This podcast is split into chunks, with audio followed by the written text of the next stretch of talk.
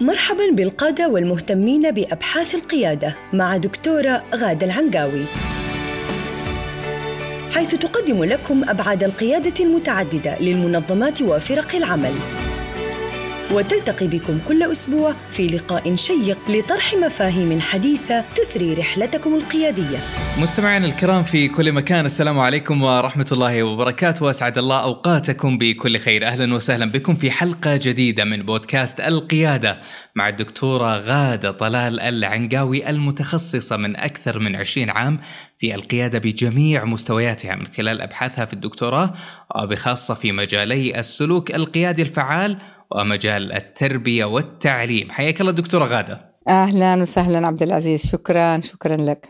حياك الله دكتورة غادة. أهلا وسهلا فيك من جديد. دكتورة غادة توقفنا في الحلقة السابقة عند موضوع التوجيه والتدريب.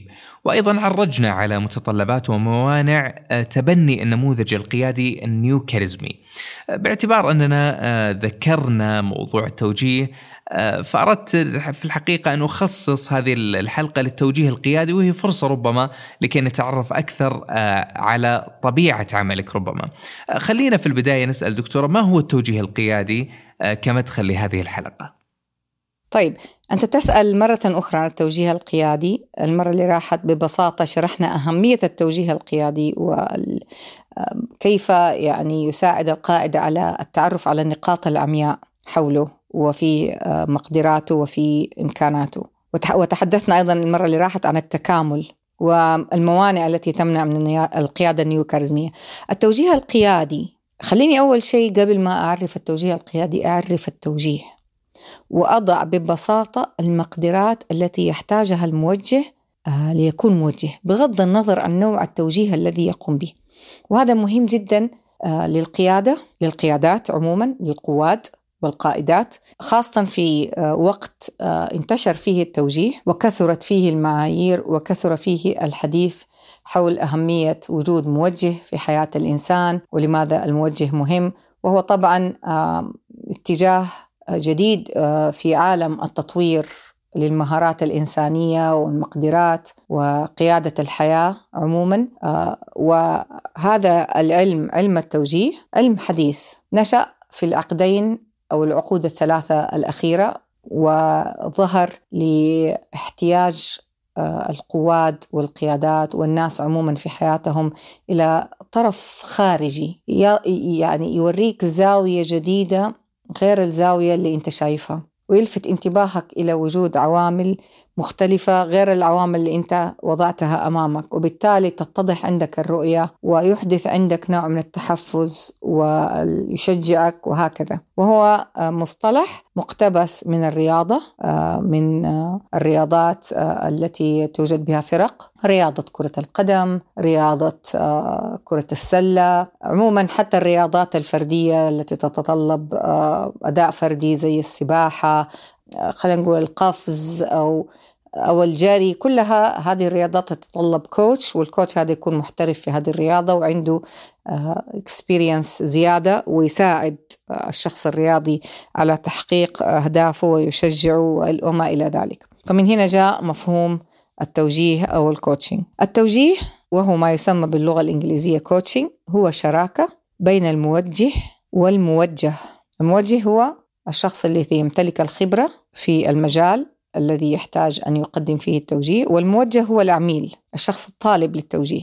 وهذه الشراكة تكون في عملية تفكير إبداعي مستمرة للوصول إلى هدف أو مواجهة تحدي أو الحصول على وضوح في موضوع ما أو علاقة ما. تقريبا هذا تعريف الاتحاد العالمي للموجهين International Coaching Federation ICF آه، وهذه المنظمة هي المظلة الغير ربحية التي تمنح آه، آه، شهادات الاعتراف بالمراكز التدريبية الخاصة بالتوجيه وتمنح الاعتمادات الخاصة بالموجهين. هناك ثلاث اعتمادات.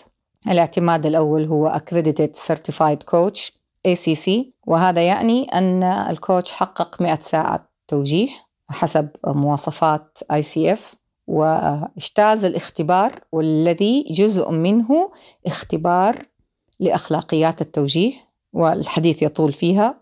والمستوى الثاني اللي هو ال PCC Practitioner Certified Coach وفيه الموجه حقق آه، فوق ال 500 ساعة من التوجيه آه، من ال 500 إلى 2500 مفتوح. لأنه آه، لا تستطيع أن تحصل على الدرجة الثالثة ال MCC اللي هي Master Certified Coach إلا بعد أن تقوم بتحقيق 2500 ساعة توجيهية في كل الاختبارات طبعا يتم آه، فحص الموجه بشكل دقيق جدا لدرجة الاستماع إلى جلسة أو جلستين توجيهية قام بها وتحليلها بشكل دقيق للتأكد من تحقيق كل المقدرات الخاصة بالتوجيه. التوجيه القيادي هو نفس التوجيه العادي للحياة أو عموما التوجيه كوتشنج ولكن نستبدل الجزء الذي يشرح هدف التوجيه بجزء آخر لتحريك القائد. يعني خلينا ناخذ التعريف من أوله. شراكة بين الموجه والموجه في عملية تفكير إبداعي مستمرة لتحريك القائد نحو تحقيق أدواره القيادية وتطوير سلوكه القيادي مع الأتباع في سياق محدد ولغاية معينة. يعني هنا إحنا ضيقنا التوجيه القيادي وحصرناه في السياق القيادي التنظيمي. جميل. طيب دكتورة ما هي مقومات الموجه المحترف؟ مقومات الموجه المحترف هذا سؤال جدا مهم. حتى يكون الموجه محترفا لابد أن تتوفر فيه عدد من المقومات. لابد أن يكون عنده شغف وحب وغاية تنصب في خدمة الآخرين ومساعدتهم.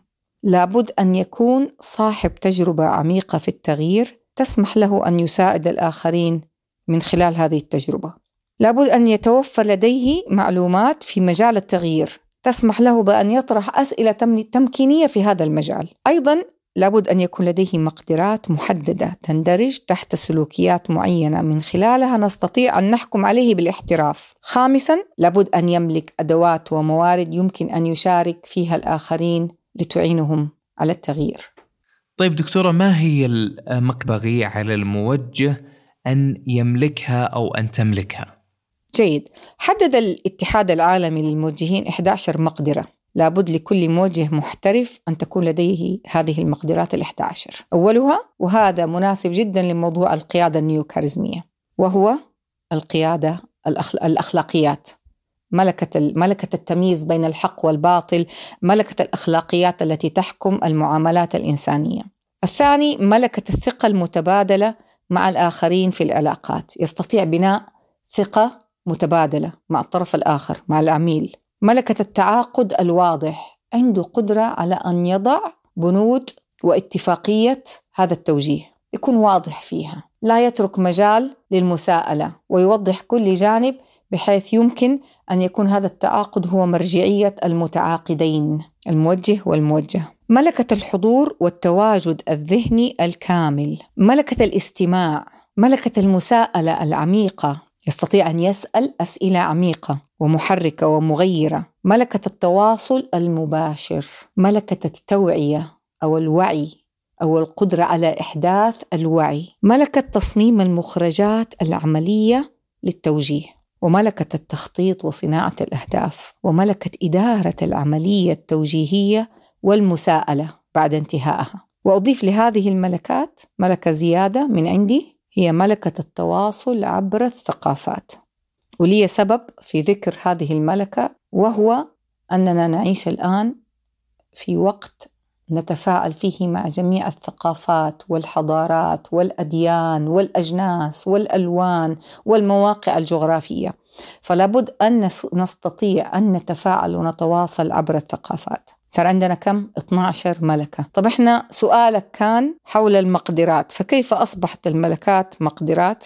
أنا يعني لي آه، تحليل معين. المقدرة عندما أقدر على شيء والملكة عندما أتملكه وأتمكن منه فأنا أعتقد أن المقدرة غير كافية على تحقيق دور سلوكي معين. أنا أعتقد أن لابد أن يتمكن الإنسان ويتملك من المقدرة. هذا رأيي أنا الشخصي. قد يعارضني فيه الآخرين ولكن أنا أضع معيار أعلى لكل لكل موجه في ذلك. لا يكفي أنك أنت تاخذ دورة تدريبية وتعمل لي 50 ساعة توجيه وتكون accredited أو certified أو أخذت دورة تدريبية مع ال ICF أو حتى أخذت ال ACC أنا أعتقد لابد أن تتملك المقدرات لتتمكن من أن أضع حياتي بين يدك. هذا هذا رأيي الشخصي. والله تعالى أعلم.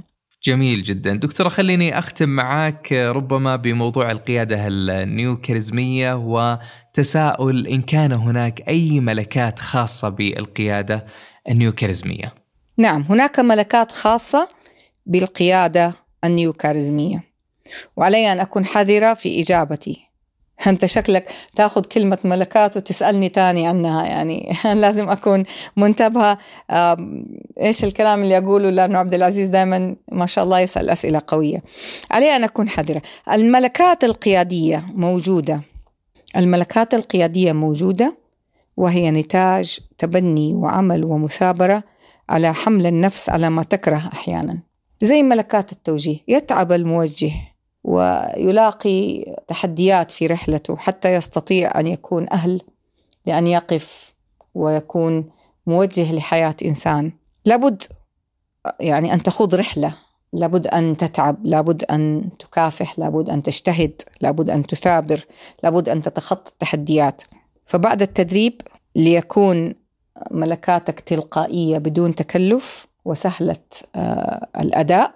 وسلوكك يمكن تحقيقه في أرض الواقع بدون تفكير بشكل تلقائي. زي لما تسوق السيارة وأنت متعود على سواقتها لك عشر سنوات. لابد أيضا أن تتمكن من مقدراتك القيادية وليحدث ذلك لابد أن تستثمر في نفسك ولابد أن تتعب ولابد أن آه، تجتهد ولابد أن يكون لك موجه حتى تتمكن من القيادة بشكل فعال. ومرضي لنفسك الطموحة العالية. لابد من الرفيق في الطريق حتى تصل إلى ما تصبو إليه من القيادة النيوكاريزمية وتمتلك تلك المقدرات التي يراها الآخرين خارقة للعادة وغير طبيعية كما هو تعريف الكاريزما القديم. في الحقيقة هو ليس كاريزما وإنما أنت ربيت ذاتك في كل موقف خاص وعام بين الناس ومع نفسك لتصل إلى ما وصلت إليه من المكانة. هذا هذا يعني باختصار آه، الملكات الخاصة أو المقدرات الخاصة بالقيادة النيوكاريزمية.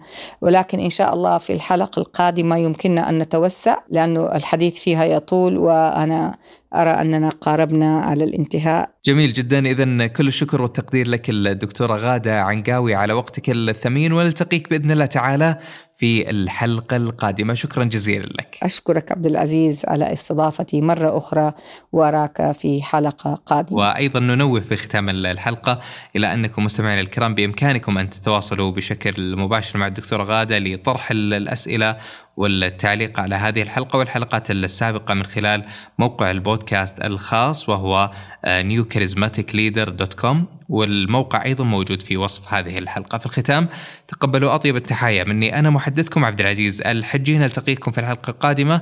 على خير. إلى ذلك الحين. دمتم في رعاية الله وحفظه وإلى اللقاء. استمعتم للدكتورة غادة العنقاوي تتحدث عن قيادة المنظمات وفرق العمل في بودكاست القيادة.